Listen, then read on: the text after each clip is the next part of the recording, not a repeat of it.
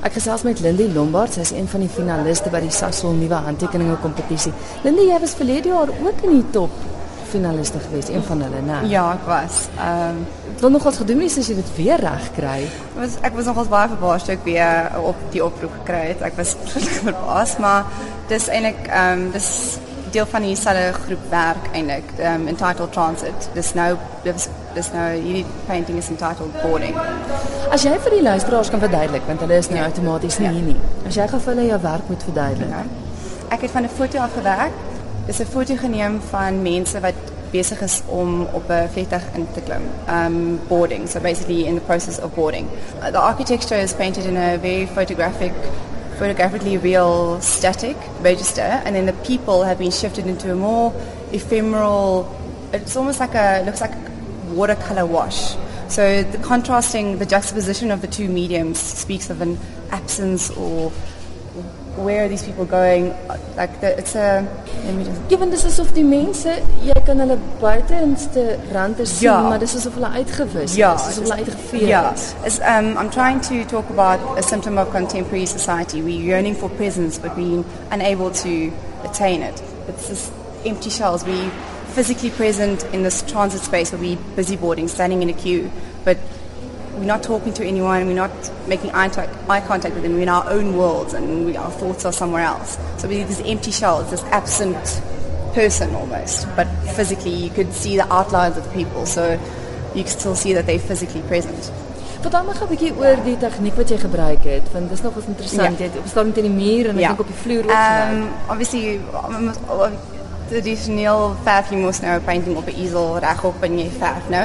Ek het die architecture omdat nou photographic real was, ek het verf klaar gemaak op die easel. Toe lê ek dit op die vuur neer, so dit was nogals 'n storie om om die canvas te dans want hy is 2 meter 2 meter groot en 1 by 1.5 so ek toe gebruik ek basically tubes en 'n baie dunner en toe doen die verf wat net wat hy wil. So it's a very flowy texture of the paint. So I wanted that kind of the two different mediums. Maar ook effe van 'n waagkant sodat Ja. enigiets kon gebeur Nee, het. ek het nie weet waarheen gaan nie. Of dit oor my verf gaan nie. Ek was soos in oh my word, so ja, ek moet net duim vas het en nou moet maar sit waar hy moet sit, maar in die, op die einde het ek gewerk soos dit moes en ek is bly daaroor. Karen Pretorius is van Durban en sy's nog een van die finaliste. Karen, verduidelik gou aan die luisteraars jou werk. Uh, my werk gaan oor um uh, verlies en en um about loss and absence. Um uh, it's a journey uh, I had to take after I lost my daughter in a motor vehicle accident two years ago. Um, a place, the Karoo landscape, offered peace and wholeness to me. That is why it's site specific in a way. Um, the shadows uh, on the landscape speaks about fleetingness of uh, life, and then these the landscapes have been in existence for millions of years. Um, and uh, the process uh, was really what was important in the work. Uh, so I digitally, uh, I took photographs, uh, which I printed, and then I manually worked on these photographs. I had to physically intervene with the photographs, which I then rephotographed um, and also rephotographed those again with light coming from the back and uh, adding and subtracting certain other elements. So the work is uh, about the uh, journey, a process, uh, the, the morning process, I guess. Was dit 'n helende proses geweest? Um, dit is definitief 'n- positiewe manier om om te werk met verlies. Ek gesels nou met Liberty Charlotte Batson. Sy is nog een van die finaliste hier by die Sasol nuwe handtekeninge kompetisie. Vertel gou vir die luisteraars van jou werk. Hoe lyk dit en die hele konsep daagter? Um, it's 250 by 180 centimeter canvases that are vertically vertically put upright.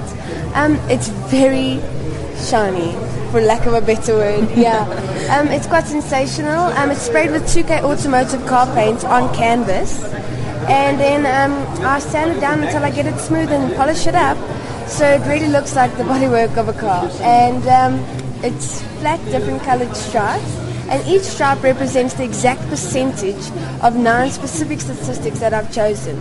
And in order to decode the painting, the exact statistics have been matched with seven T-shirts, and the models will actually be here tonight at the opening wearing their T-shirts, and you'd be able to decode the information by reading the back of the T-shirt and then decoding the, the, the, the painting.